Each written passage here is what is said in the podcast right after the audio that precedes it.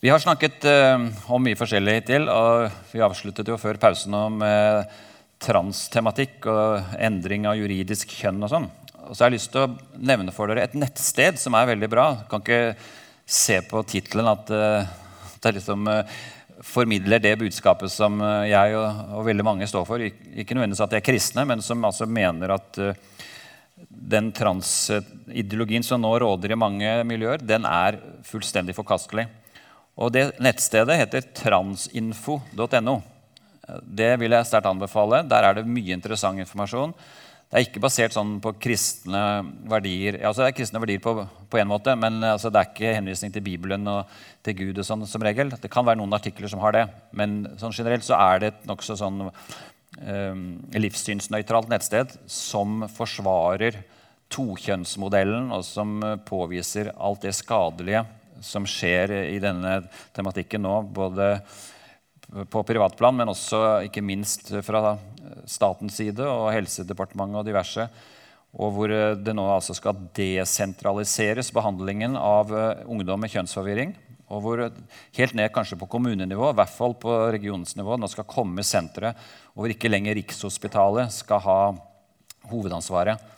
Og hva som vil skje da med også private klinikker og med andre ting som kommer, og hva ungdom vil bli oppfordret til og bekreftet at de nå bør begynne å tenke på at de er et annet kjønn, det er veldig usikkert og sånn bekymringsfullt.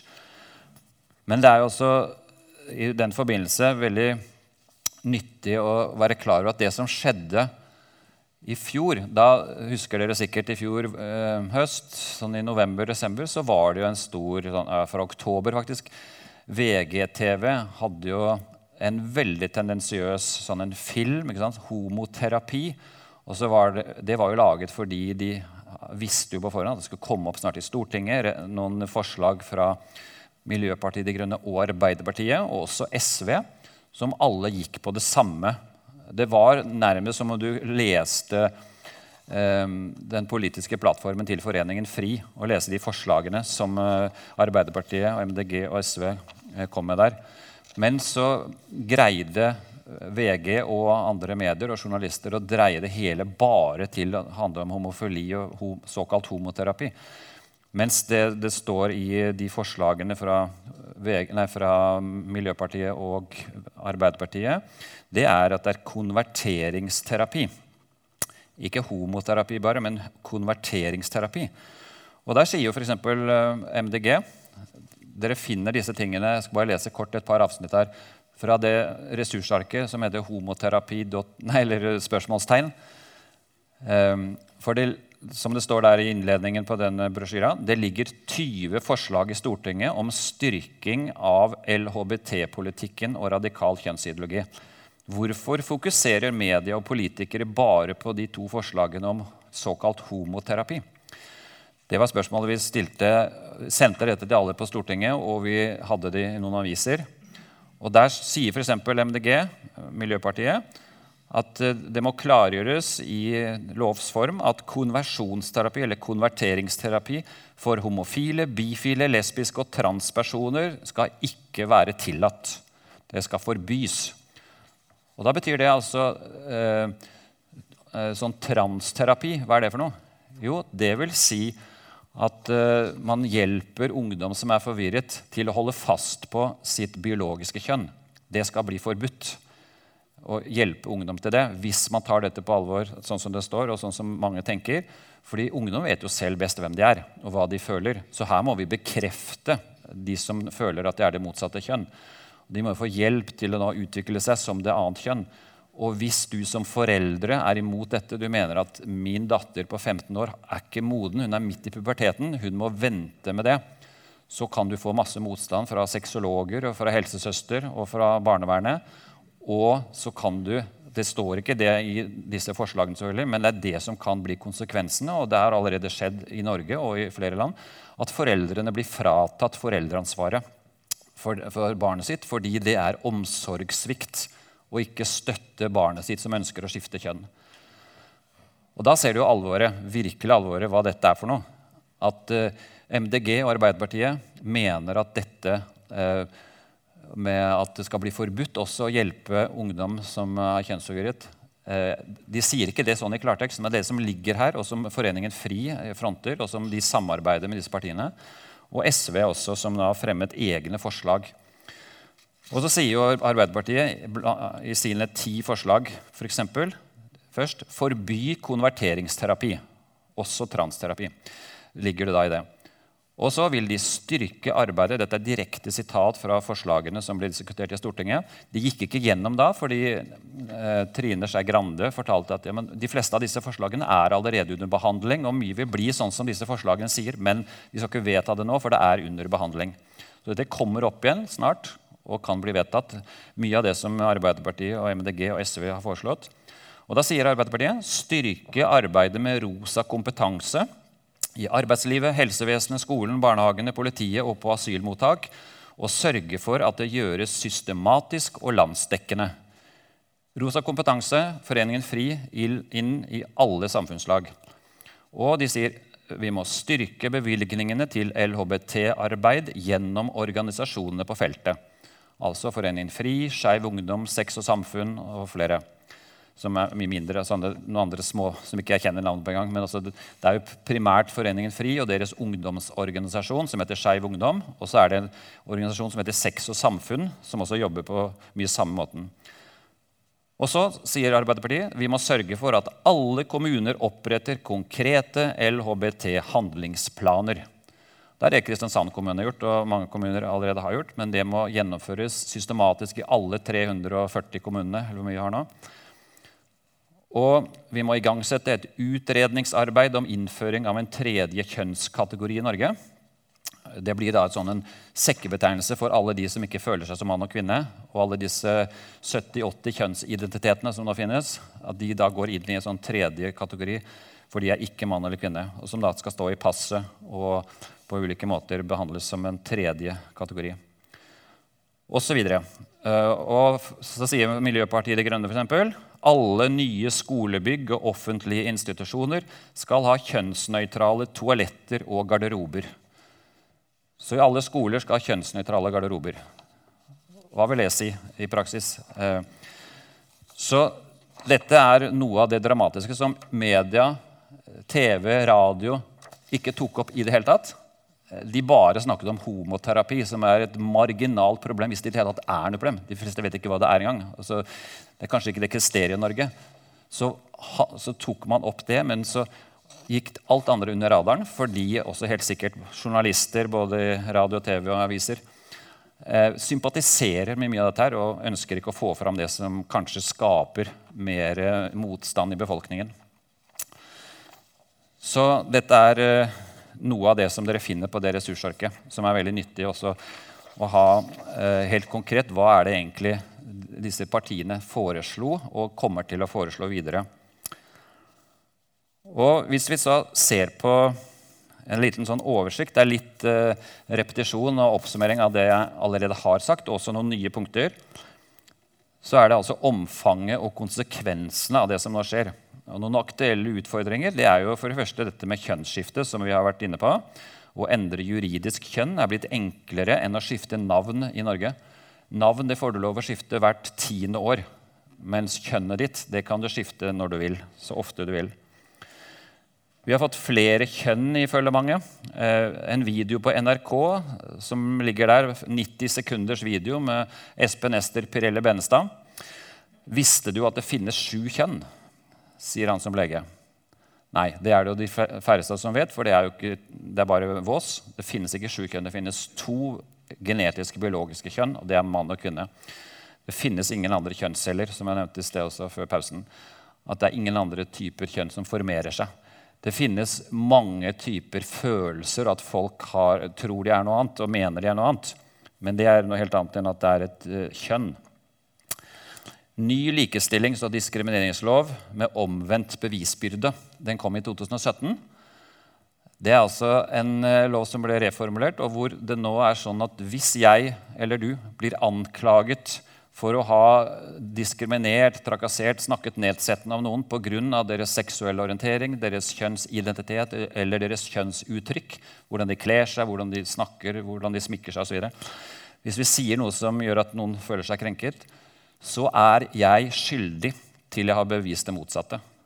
Det er speilvendt av det som er all vanlig lovpraksis, nemlig at du er uskyldig til det motsatte er bevist. Men på dette feltet så er det sånn at eh, man er skyldig hvis man ikke greier selv å bevise at man er uskyldig. Det forutsettes at det er sant at jeg har krenket noen hvis jeg blir anklaget. Og så er det polyamorøse forhold. Samliv med flere enn to personer. Vi har en organisasjon nå i Norge som heter Poli Norge. Den har noen 100, 200-400 medlemmer nå. Og som jobber nå målretta for å få juridiske ordninger også for samliv mellom flere enn to og at de også skal ha rettigheter og plikter på lik linje med ektepar og samboere. I hvert fall først, og så ekteskap siden. Og det er jo mange som spør seg eh, hvis to kvinner kan gifte seg, hvorfor kan ikke tre kvinner gifte seg? Eller to menn, eller hvorfor kan ikke tre menn? Eller hvis to menn og en kvinne ønsker å gifte seg, hva er problemet med det? Og Det er jo noe som Foreningen FRI også støtter. For de sier at mangfoldet det består jo også av polyamorøse forhold, polygami. Så de jobber jo for at det skal bli mulig også for sånne gruppeekteskap å inngås i Norge. Og det blir ikke ekteskap i første runde. Det vil først bli lovgivning for samboere av den typen, og så vil ekteskap være målet på sikt. Så er det revisjon av straffeloven, eh, paragraf 185 og 86. 185 er den såkalte hatparagrafen, som jeg skal vise dere etterpå nå hvordan de nå ønsker å endre teksten i den eh, paragrafen, hvor altså uttrykkene seksuell orientering, kjønnsidentitet og kjønnsuttrykk blir innført som begreper, hvor det er opptil tre års fengsel for å ha krenket noen, snakket nedsettende, vist ringeakt eller diskriminert noen pga. de begrepene og de livssituasjonene. Så har du fertilitetsmarkedet. Stadig større aksept både blant politikere og også i befolkningen for kjøp og salg av sæd og egg, donorer og surrogatmødre. Eller som det står i en artikkel som ligger på nettet, og som er satt litt sånn på spissen, men det er faktisk sånn det fungerer også. Det er eh, Hvis du ønsker deg drømmebarnet, så er det bare å ta fram kredittkortet og bestille drømmebabyen via sædbanker og eggbanker på nettet. Eh, og så kan, du kan gå inn, Hvem som helst kan gå inn der på disse sædbankene. Det er de som er mest aktuelle. Og så kan du bestille og kjøpe sæd, og så kan du få barn som ligner på den mannen som er sæddonor. Og kanskje han er anonym hvis du kjøper i Danmark. Og da, da har jo det barnet og den kvinnen aldri mulighet til å finne ut hvem den mannen er. Men du kan da velge ut hvilke trekk og personlighet og utdannelse og interesser og sånn. Stortinget har nylig vedtatt er punkt 7, disse to tingene som dere kanskje husker eggdonasjon. At uh, en kvinne kan få egg fra en annen kvinne og føde barn. Og assistert befruktning for enslige kvinner. Det er også vedtatt. Nå i mai i 2020 så vedtok Stortinget at uh, enslige kvinner må få statens hjelp til å få barn. For far er jo overflødig. En enslig mor er jo akkurat like bra. Det er tankegangen. Uh, og hvor altså barn er da blitt en rettighet for alle norske kvinner i prinsippet. Det er litt vanskelig å vite ennå, for det er ikke fastlagt nøyaktig hvordan de lovene skal ha sånne retningslinjer, og, og, hva som er begrensninger. Om det er sånn at alle kvinner over 18 år kan gå til fastlegen og si at de ønsker meg barn, og så får de det. Eh, altså at Legen hjelper dem med å få tak i noe sæd fra Haugesund eller Rikshospitalet. de to sykehusene. Og så er det jo sånn at det allerede er mangel på sæd i Norge, så det kommer til å være utlendinger, utenlandsk sæd. Så Stortinget eh, sier det at det skal prøves å få tak i sæd fra nordiske borgere, nordiske menn. Men det kommer sannsynligvis også til å bli vanskelig. Fordi Norge krever at det er kjent sæddonor, sånn at eh, barnet når det blir voksen, kan få vite navn og personnummer på den personen som er far. Men de 18 første årene, eller kanskje fem, ja, det ble vedtatt nå forresten at det skal være 15 år skal de ha rett til å få vite hvem er faren deres. Men det kan eh, da være en skandinavisk person i Danmark eller Sverige eller kanskje Finland. hvis det er nordisk, ja. Eller på sikt så tror jeg også det er veldig sannsynlig at det kan bli lenger ut i verden fordi det er mangel på sæd i flere av disse landene. Og det blir det enda mer siden det er kjent sæddonor.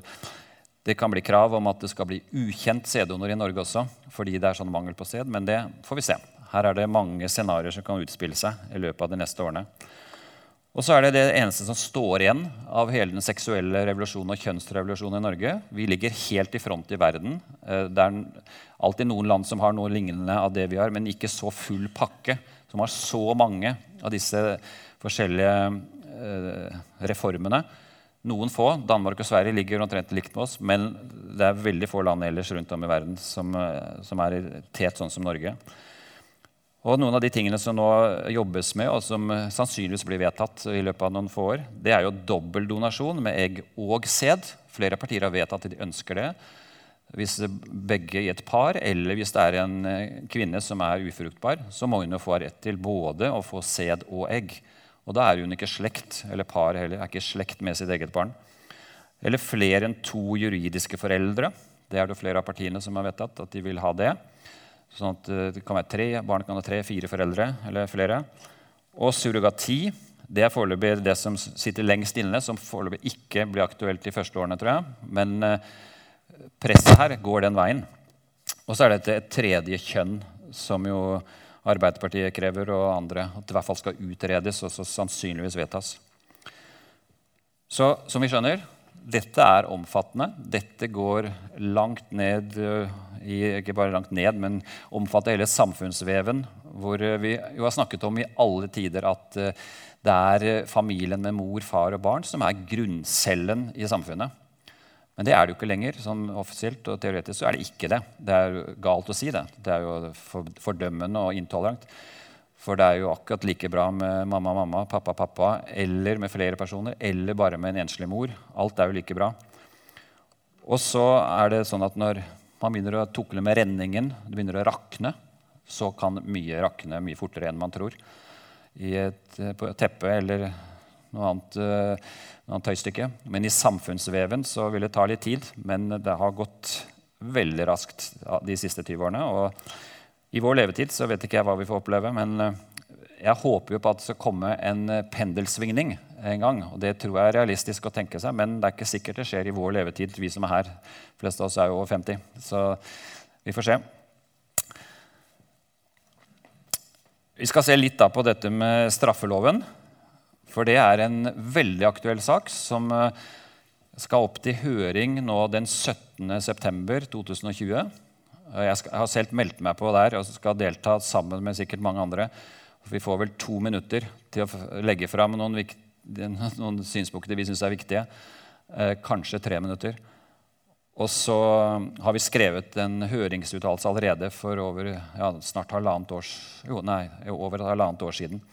Da det var høring på dette. Så har nå departementet jobbet videre og foreslår da at det skal gjøres endringer i i loven. Og den eh, lyder sånn nå eh, og det har understreket eh, her, Det står ikke i lovteksten understrekninger, men jeg har bare gjort det for at det skal bli tydeligere hva som er budskapet. Med bot eller fengsel inntil tre år straffes den som forsettlig eller grovt uaktsomt offentlig, altså i avisen, på TV, radio, offentlig, setter frem en diskriminerende eller hatefull ytring. Som ytring regnes også bruk av symboler. Den som i andres nærvær, altså ikke nødvendigvis offentlig, men det er en gruppe hvor flere hører på, eh, den som i andres nærvær forsettlig eller grovt uaktsomt fremsetter en slik ytring overfor en som rammes av denne, jf. annet ledd, straffes med bot eller fengsel inntil ett år. Og så er det en definisjon som jo er viktig, men som sier og viser litt hvor subjektivt dette er. Med diskriminerende eller hatefull ytring menes det å true eller å forhåne noen eller fremme hat, forfølgelse eller ringeakt overfor noen på grunn av deres hudfarge eller nasjonale eller etnisk opprinnelse, religion eller livssyn. Og så kommer det to nye uttrykk, eller to nye punkter her som ikke sto før.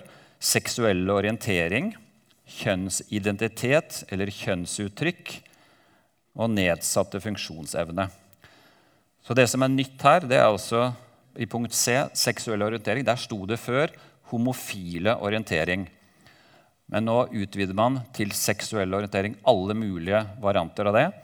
Og så eh, innfører man helt nytt, det sto ingenting om det før, kjønnsidentitet eller kjønnsuttrykk. Og hvis du da diskriminerer noen eh, eller sier noe som folk oppfatter som hatefullt eller ringeakt, så er du da sannsynligvis skyldig hvis dette er gjort offentlig eller mens andre hørte på. Eh, så er du skyldig, og da vil det være en avveining hvor alvorlig, hvor grovt det er, hvor mange hørte på, det, er det noe du holder fast på, angrer du osv. Her er det jo ingen rettspraksis nå, men det blir veldig spennende å se hvis dette blir vedtatt. Og da er altså strafferammen bot eller fengsel inntil tre år. Og jeg vet ikke hvordan dette kommer til å gå i Norge, men vi har jo noen eksempler både fra England, og USA og Canada. Et uh, eksempel fra Canada for et år siden cirka, det var en uh, som var programvert i en lokalradio. Og så sa han uh, skulle gi noen informasjoner om noe som skulle skje i byen. Og så skal det også være et arrangement hvor en kvinne i mannskropp, en juridisk eh, kvinne, skal holde foredrag eller gjøre et eller annet. Det var liksom informasjon han ga. Og så følte den personen seg så krenket, og det var sagt offentlig. Det ble rettssak. Eh, og så tapte denne radioverten og måtte betale 30 000 dollar i bot fordi han hadde sagt dette offentlig og krenket den personen og kalt en kvinne for en kvinne i mannskropp.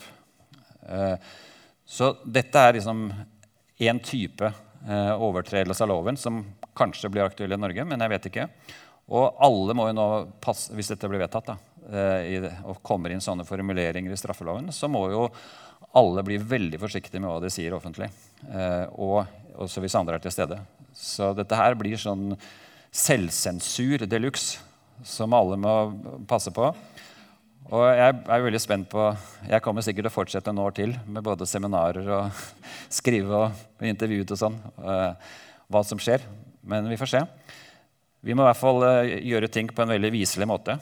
Uh, og være respektfulle og ikke minst vennlige og ikke det at ligne på noe som er verken forhåne eller fremme hat eller forfølgelse. Men fordi begrepene her er veldig subjektive, hvem definerer dem? Eh, det med også diskriminerende ytring. Det er jo diskriminerende bare når jeg sier at ekteskapet er per definisjon for én mann og én kvinne. Så er jo det diskriminerende.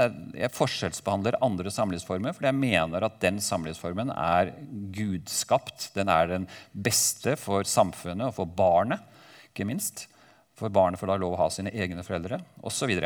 Hvis jeg sier sånne ting, så er jo det diskriminerende, og mange vil da kunne anklage meg, og det kan bli rettssak. tenker jeg. Men eh, det kan være at eh, de blir litt romsligere enn eh, de mest pessimistiske tror.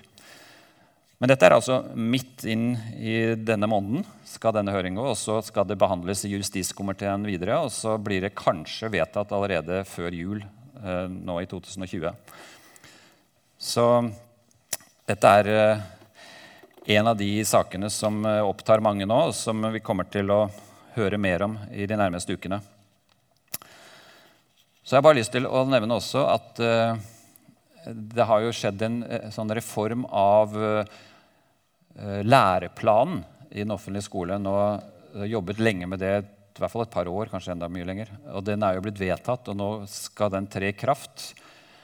Og der også viser det seg Jeg har ikke lest alt nå, men jeg har lest uh, noen artikler av folk som har studert denne læreplanen, og sier at den er jo full av både direkte og indirekte henspillinger og retningslinjer for LHBT-politikk og LHBT-ideologi, og med kjønnsmangfold og med ditt og datt, som elevene skal lære, og som lærerne skal undervise i. Og så er det også vel sånn at Opplæringslova er under revisjon. Jeg tror den også kanskje allerede er endret, men det må innrømme at det har jeg ikke fått med meg helt. Eh, men det skal jeg undersøke veldig snart. Men den opplæringslova som gjelder nå, den er jo interessant for foreldre. Fordi eh, det er veldig mange kristne foreldre og andre også som ikke er klar over at det står jo sånn i paragraf 2 eh, punkt 3a Skolen skal vise respekt for elevene og foreldra sine religiøse og filosofiske overtidinger og sikre retten til likeverdig opplæring. Elever skal etter skriftlig melding fra foreldra få fritak fra de deler av undervisninga ved den enkelte skolen som de ut fra egen religion eller egen livssyn opplever som utøving av en annen religion eller tilslutning til et annet livssyn, eller som de på samme grunnlag opplever som støytende eller krenkende. Det er ikke nødvendig å grunngi melding om fritak etter første punktum. Det er fullt mulig for eh, foreldre å si at uh, mitt barn blir hjemme uh, den dagen når Foreningen FRI skal komme av undervisning, eller de skal lære om ditt eller datt med sånn rosa kompetanse fra læreren sin. Men det krever selvfølgelig også at det er dialog med foreldrene, og at foreldre er proaktive med å høre med læreren og snakke med vedkommende om hvor, når den type undervisning kommer. og bare på en vennlig måte si at det der er vi ikke positive til. Så der kommer vi til å holde barnet vårt hjemme. Uh, og prøve å få en, en positiv dialog. og Bør ikke true med noe som helst og sånn i begynnelsen heller om at barna skal være hjemme, men altså være proaktive. Og Det skal vi snakke litt om også når det gjelder hva vi kan gjøre eh, på neste onsdag, når vi skal ha del to av seminaret. Men i fall, Det er loven nå, og den er jo oppmuntrende for de som ønsker å være tydelige, og som ikke vil at barna skal utsettes for mye av dette som nå skjer i den offentlige skolen. Og jeg vil si altså, Dette er jo et eksempel også på at uh, friskoler, kristne friskoler blir kanskje viktigere og viktigere nå i årene framover. Og vi har jo her privilegiet i Kristiansand å ha Oasen skole på flere steder. og Det er uh, kanskje noe som mange vil ty til etter hvert også, for de ser at det som nå skjer i skoleverket, det vil ikke vi være med på. Så her er det veldig mye som vil utvikle seg i årene framover på det feltet, tenker jeg. Da skal jeg bare finne et ark som falt ned her.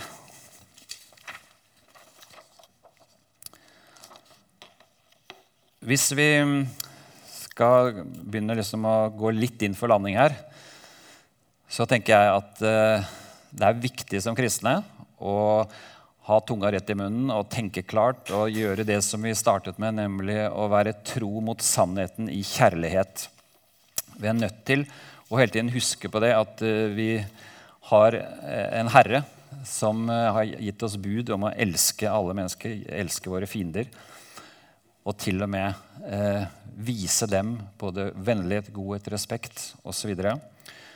Men samtidig så vet vi at dette her, som vi nå har snakket om i dag og i kveld, det frontkolliderer med veldig mye av det vi tror på. Og vi skal jo snakke atskillig mer om det i del to. Men jeg har lyst til bare å nevne noen av de stikkordene som viser at denne nye radikale kjønnstenkningen kolliderer med grunnleggende sannheter i kristen samlivsetikk. Først kjønn. Hvor mange kjønn finnes det? Har Gud skapt oss som mann og kvinne? Eller finnes det et mangfold av kjønn? Seksualitet. Hva er egentlig seksualiteten til for? Hvordan utøves den? Hva er rammene og meningen med seksualiteten? Er det bare noe man gjør eh, som en slags fritidsbeskjeftigelse, noe man har lyst, og det er nytelse, og det er, det er det? Eller er seksualiteten noe som Gud har satt rammer for? Et livsvarig forhold mellom en mann og en kvinne, og barn som vokser opp i trygge rammer? Eh, foreldreskap. Hvem er foreldre egentlig til et barn, og hvordan blir man foreldre? Har barn rett på sine egne foreldre eller ikke? Så alt som har med foreldreskap, er jo i, full oppløsning, egentlig. Barn hvordan får man barn? Hvordan blir barn til? Hvilke rettigheter har barn? Ekteskap. Hva er ekteskapet? Er det en gudgitt ordning innstiftet av Herren selv eh, for en mann og en kvinne? Eller er det en sosial konstruksjon som Stortinget har definisjonsretten over? Og familie. Eh, hvordan er egentlig tenkningen omkring familie? Og hva er kristen familietenkning? Og slekt og blodsbånd. Eh, betyr det noe at vi står i en tradisjon, en sammenheng med våre foreldre, våre besteforeldre, oldeforeldre, og vi kan drive slektsforskning osv.? Betyr det noe å være del av eh, en biologisk slekt, eller har det ingen betydning? Så alle disse sju punktene her frontkolliderer, så langt jeg kan skjønne, i hvert fall, med det som er nå toneangivende i lovgivning og i den ideologien som frontes på alle arenaer i Norge. Så hvis ikke vi har følt oss eh, litt sånn eh, som eh, borgere av et annet rike og pilegrimer på vei mot en annen himmelsk by enn den vi er på nå, så, så kanskje vi begynner å oppdage at jo, vi må bare innse at vår selvforståelse som kristne er at vi er på vandring hjemover mot målet. Vi er, som Peter sier i sitt første brev, vi er fremmede og utlendinger her i denne verden. Og dette er ikke noe sånn defensivt for at vi må bare melde oss ut. Nei, vi er kalt til å være lys og salt. Og Jesus sier at dere er i verden, men ikke av denne verden. Og jeg har kalt dere til, og sendt dere til å, å virke i verden. Det sier han i Johannes 17. Det er ikke av, men i og sendt til verden. Så vi har en utrolig viktig rolle, ikke minst nå som lys og salt, å være positive elementer i samfunnet. Enten det er på hjemmearenaen og blant naboer og slekt og venner, eller det er i politisk sammenheng, så må vi ikke tenke at vi må gå i katakombene og nå må vi bare isolere oss og leve i vår boble. Det er veldig enkelt å tenke sånn, og det er jo det mest behagelige på mange måter. Men samtidig så har vi en oppgave, tenker jeg også, ikke minst å tale barnets sak. Og respektere andre, at de tenker annerledes. Og sånn. Og jeg syns det er en utrolig befriende tanke at når jeg snakker med folk, og når du snakker med folk, og til og med med dine egne barn kanskje, eller barnebarn, sånn, så behøver vi ikke å vinne diskusjoner og samtaler og føle at vi har alltid de beste argumentene, og vi er best, og vi nå satt vi den på plass. Nei, Det er ikke å vinne diskusjoner, men vi er satt for, til å vitne om det vi tror på, hvem vi tror på, og hvorfor vi tror det vi gjør. Også om disse tingene. Vitne om det, og ikke nødvendigvis vinne. Godt det er Vi taper og greier ikke å overbevise en eneste sjel, men vi kan vitne om hvem og hva og hvorfor vi tror det vi gjør. Og Da føler jeg i hvert fall at da kan jeg senke skuldrene litt og vite at det er ikke så viktig hva resultatet blir her. Jeg får kanskje flere anledninger også med disse personene. Hvis det er nære personer, så får jeg mange anledninger. sikkert. Og da at ikke jeg behøver å prøve å være litt sånn aggressiv. Nei, tvert imot. Jeg kan være ydmyk, stå for sannheten og vitne.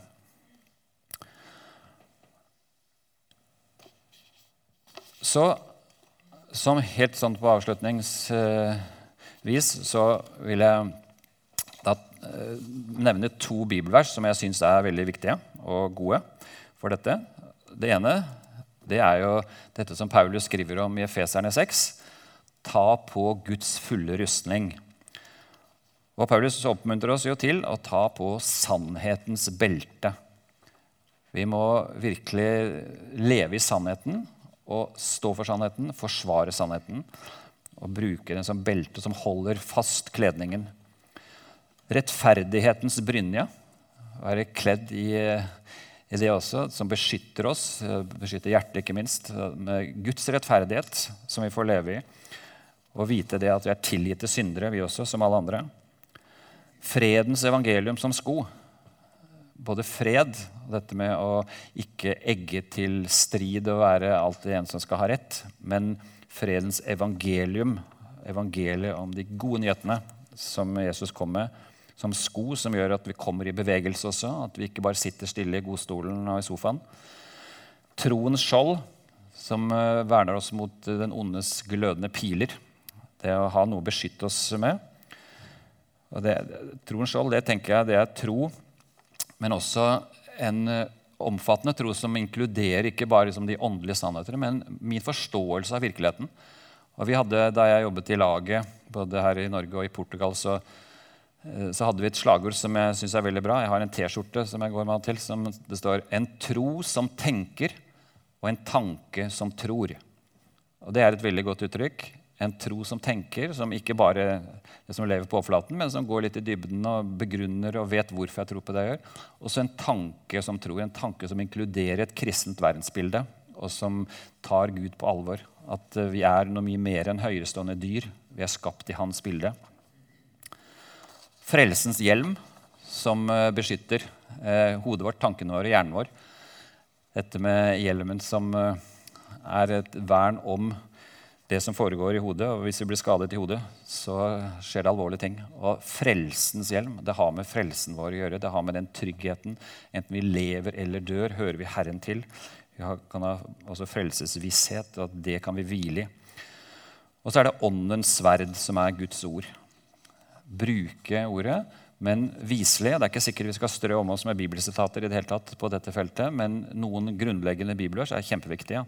Men det kommer an på hvem vi snakker med. Det er jo sånn i vår tid nå at det er flere og flere sekulære mennesker. og Det kan bare virke mot sin hensikt å bruke bibelvers. Men innimellom så kan det være veldig nyttig, og i hvert fall begrunne med at jeg tror faktisk på en skaper. og liksom ta, snakker litt sånn personlig.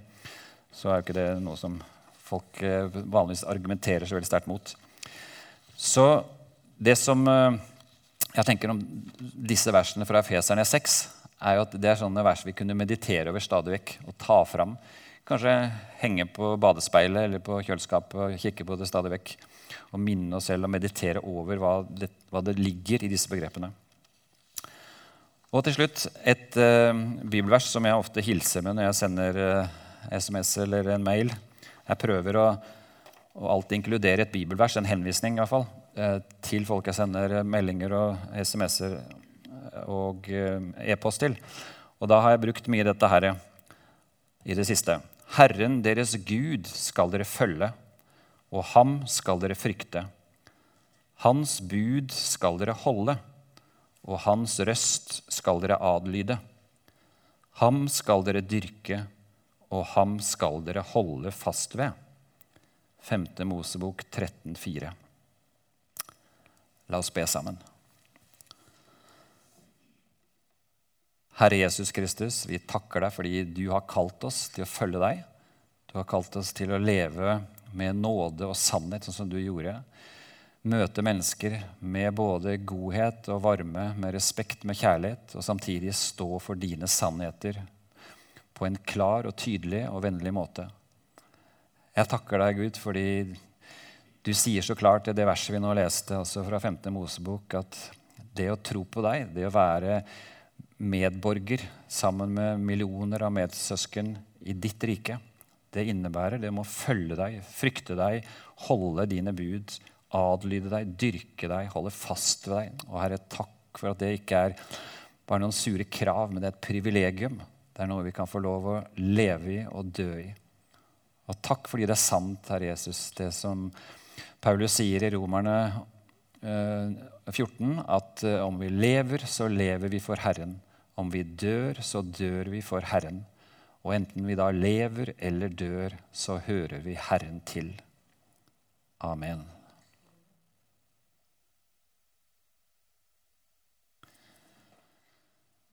Da må jeg si tusen takk for en veldig tålmodig og utholdende kveld for dere som har sittet her og hørt mye som er dramatisk og kanskje depressivt.